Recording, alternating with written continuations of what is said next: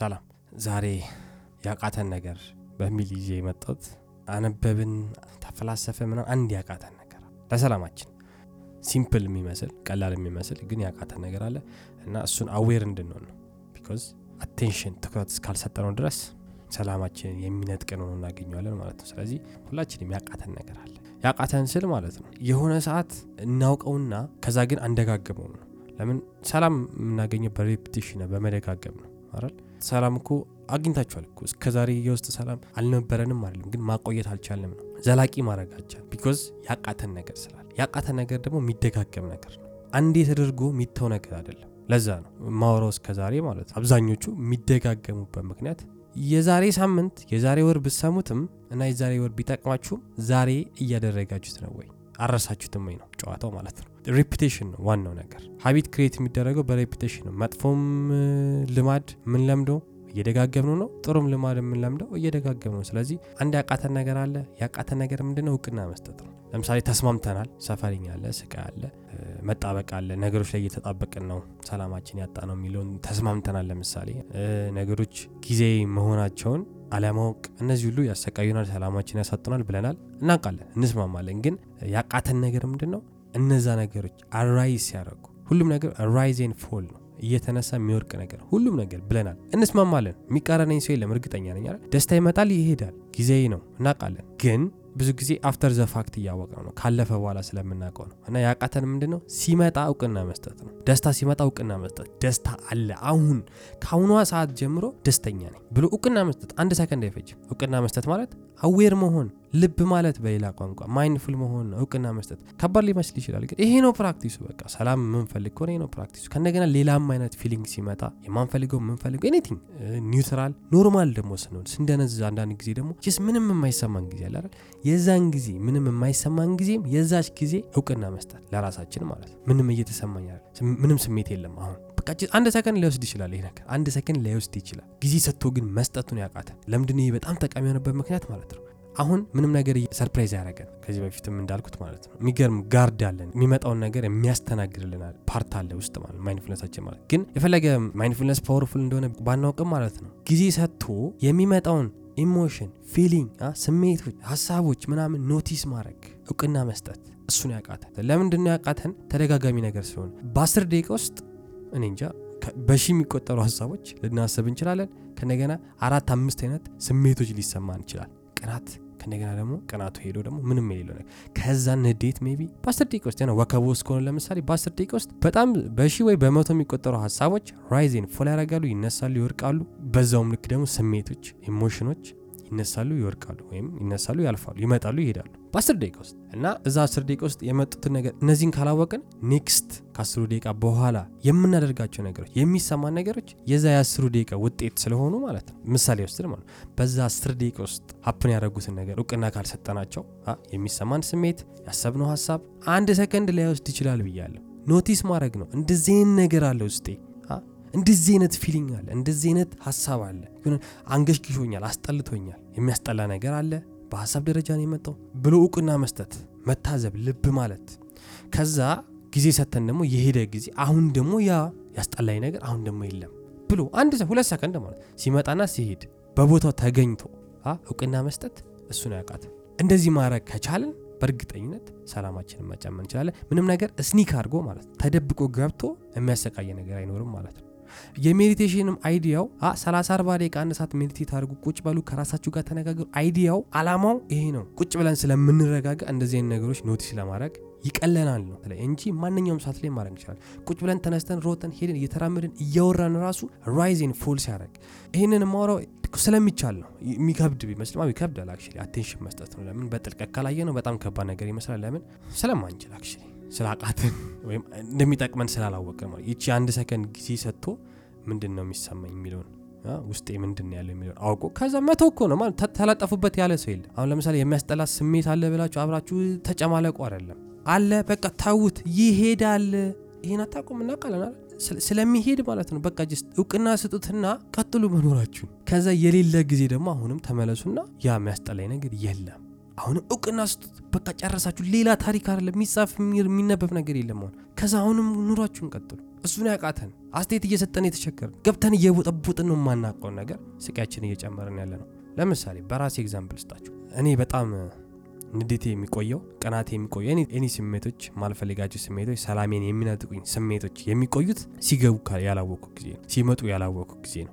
በደመ ነፍስ ያለው ጊዜ ልብ ያላልኩ ጊዜ በደንብ ነው የሚያውኩኝ ወይም የሚያተራሙስኝ። ከዛ በኋላ ላይ ነው ቀልቤን ስሰበስብ ስረጋጋ አመጣጣቸው just እንደ ቀልድ ገብተው ነው just like የሚቆጣጠረው እንደሌለ ህጻን ልጅ እንደፈለጉ ተጫውተውብኝ የሚሄዱት ማለት ነው። ይህንን ራሱ ማውቀው ካለፉ በኋላ ተረጋግቼ በጥልቀት ሳይሆን እንደዚህ ሆኜ አውቃለው actually ሳልዘጋጅ mindful ሳልሆን የሚያናድዱ ነገሮች መጥተው እንደፈለጉ ተጫውተውብኝ ውጭ አናደውኝ አሳረረውኝ ሄደዋል። ከእንደገና ደግሞ በጣም እንደዚህ ሊያሳርሩ ሊያናድዱ የሚችሉ ነገሮች ገና እንደመጡ ይዣቸው አይቻቸው አንድ ሰከንድ አይፈጅም ብያቸዋል። እውቅና ሰጥቼ ልብ ብያቸው like የሆነ አዋቂ አለ ብያቸው ማለት ህፃን ልጅ ምንም ችግር የማይፈጥረው ቤት ውስጥ አዋቂ የሚወሰው ሲኖር ነው። እያየዋችሁ ነው። ንዴቱን ማቆም አልችልም። እወቁ።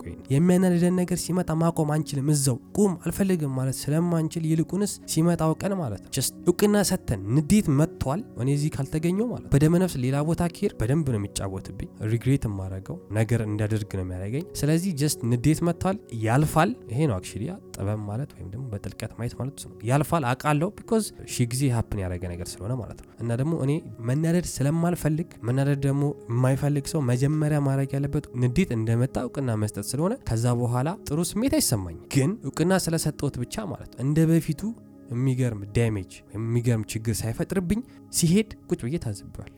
ትንሽ ያምሰኛል፣ ያቁነጠንጠኛል። ግን እንደሌላው ጊዜ ልብ ያላልኩ ጊዜ እንደሚሆነው ግን አይሆንም። ይሄ ደግሞ ማለት በጣም አጭር ጊዜ ነው የሚወስደው ማለት ነው። በቃ ተባኖበታል፣ ተነክቶበታል። እያየሁት ነው፣ እየጠበቅኩት ነው። ማባረር አልችልም፣ አልፈልግም ማለት አልችልም። ቁም ንዴት ቁም ማለት አልችልም። actually በጥልቀት ተንትኜ ማቆም እችላለሁ፣ sense አይሰጥም ምናምን። ግን emotion ስለሆነ እስከ ዛሬ የተከመሩ ነገር ስለሆነ ያናደደኝ ነገር በጣም እስከ ዛሬ ቦታ የሰጠሁት ነገር ስላለ እና እሱ ስለተነካብኝ whatever ብዙ ምክንያት ይኖረዋል። በዛ ምክንያት ስለሆነ የመጣው እንደዚህ በቀላሉ አልፈልግም መናደድ ማለት ስለማልችል ያለኝ አማራጭ ሲመጣ ንዴት እውቅና ሰጥቶ ማለት ነው አብሮ ሆኖ which is like ንዴት እንዳለ ካወቅኩ በኋላ ኑሮዬን እቀጥልና ከዛ በኋላ ሲሄድ ደግሞ አሁንም እውቅና እሰጠዋለሁ። አሁን ደግሞ ንዴት የለም፣ አሁን ደግሞ ሌላ ነገር ነው ያለው ብዬ እውቅና ሰጥቼ ሰላሜን የጨመርኩበት ጊዜ አለ። power ኡን የሚያየሁት የዛን ጊዜ ነው ማለት ነው። ከዚህ በፊት ስናደድ የነበረው ጸባይ ወይም ማድረገው ነገርና ከዛ ደግሞ እውቅና የሰጠሁት ጊዜ ያለውን ጸባይ ምናምን ሳይ just mindfulness powerful ነው ምለው ምክንያቱ እሱ ነው ማለት ነው። ስላየሁት first hand ስላየሁት ነው። በራሴ ስላየሁት፣ በሌላ ሰው ስላየሁት just ይሰራል ነው። እኔ ላይ ይሰራው ሁላችንም ላይ ይሰራል። ሰው እስከሆነ ድረስ ይሰራል። ግን ያቃተን ነገር ምንም ነገር ሲመጣ እለት ተዕለት ህይወታችን ላይ እውቅና መስጠት ነው። ያቃተ ነገር እውቅና መስጠት ነው። እንደመጣ እንደመጣ እውቅና መስጠት ነው። ካለፈ በኋላ regret ነው፣ ቁጭት ነው። ካለፈ በኋላ ትርጉም የለውም። እሱ ራሱ ego ነው። ልብ ማይለው mind ኣችሁ ምንድነው? ego የሚወደው ሲሆን አይነግረንም። ካለፈ በኋላ ግን እንዴት እንደዚህ ይሆንባል፣ እንዴት እንዴት እናደዳል፣ እንዴት ያናደዳል ብሎ ድጋሚ ያናድደናል ማለት ነው። mindfulness ግን የሆነ ጊዜ ንዴት አለ፣ ሄደ አልፈልግም እፈልጋለሁ አትበል። እንደሱ አይደለም የሚሰራው። ግን ንዴት እንዳለ እወቅ። ንዴት ጥሩ እንዳልሆነ እንደማይጠቅም እወቅ። ግን አስተናግደው፣ ይምጣ፣ ይቀመጥ፣ የሚያደርገው ነገር ታዘብ። ተወራጭ ይልሃል፣ ምን ይልሃል፣ በሀሳብ ይመጣል፣ ተሳደብ ይልሃል። ግን ስማው፣ እየው፣ በተቻለ መጠን ተቋቋመው፣ እያወቅክ ማለት እንደማይጠቅም እያወቅክ ግን አስተናግደው። ለምን ሌላ አማራጭ ስለሌለ እና ደግሞ ስለሚሄድ መጥቶ ስለሚሄድ አስተናግደው። ሌላ አማራጭ የለንም። ይምጣ፣ ይቀመጥ ከዛ ጊዜው ሲደርስ ይሂድ ሚለን mindfulness። ego ግን ጸጥ ይለናል። የሚያናድድ ነገር፣ የሚያሰቃየን፣ የሚያስቀና ነገር ሲመጣ ጸጥ ይለናል፣ ያስቀናናል፣ ያሳረናል፣ ቀናችን ያበላሸና ከዛ ካለቀ በኋላ ደግሞ ምን ያስቀናሃል፣ ምን ያናድድሃል ይለናል ማለት ነው። ስለዚህ ልዩነቱ ይሄ ነው። የ mindfulness እና የ ego ልዩነት ይሄ ነው። ልብ ያለን ጊዜ የሚገርም ጥበብ ነው የምናዳብረው። ልብ ያላለን ጊዜ በደም ነፍስ ሄድን ጊዜ ደግሞ የሚገርም ድንቁርና ወይም የሚገርም አለማወቅን ነው የምናዳብረው ማለት ነው። ከዛ more ስቃይ፣ more ድብርት more ቅናት ነው የሚደራረቡብን ማለት ነው። point ኡ ምንድን ነው? በተቻላችሁ መጠን በቀን ውስጥ በተቻላችሁ መጠን የሆነ አይነት ነገር ሲቀየር ቀናችሁ ሲቀየር ማለት ነው እውቅና ስጡት። የሆነ ስሜት አለ፣ ቅር ብሎኛል፣ ቀፎኛል በሉ እዩት። ወደ ውስጥ ግን ተመልከቱ። ዝም ብሎ ቅር ብሎኛል ቀፎኛል ምናምን ሳይሆን ምንድን ነው የሚለውን የሆነ ነገር ገብቶ ነው የሆነ ነገር ገብቶ ነው። ወይ በጆሯችሁ ይሆናል የገባው ወይ በአይናችሁ ይሆናል የገባው። ያያችሁት ነገር ይሆናል የሰማችሁት የሆነ ነገር ይሆናል ያሸተታችሁትም ነገር ይሆናል።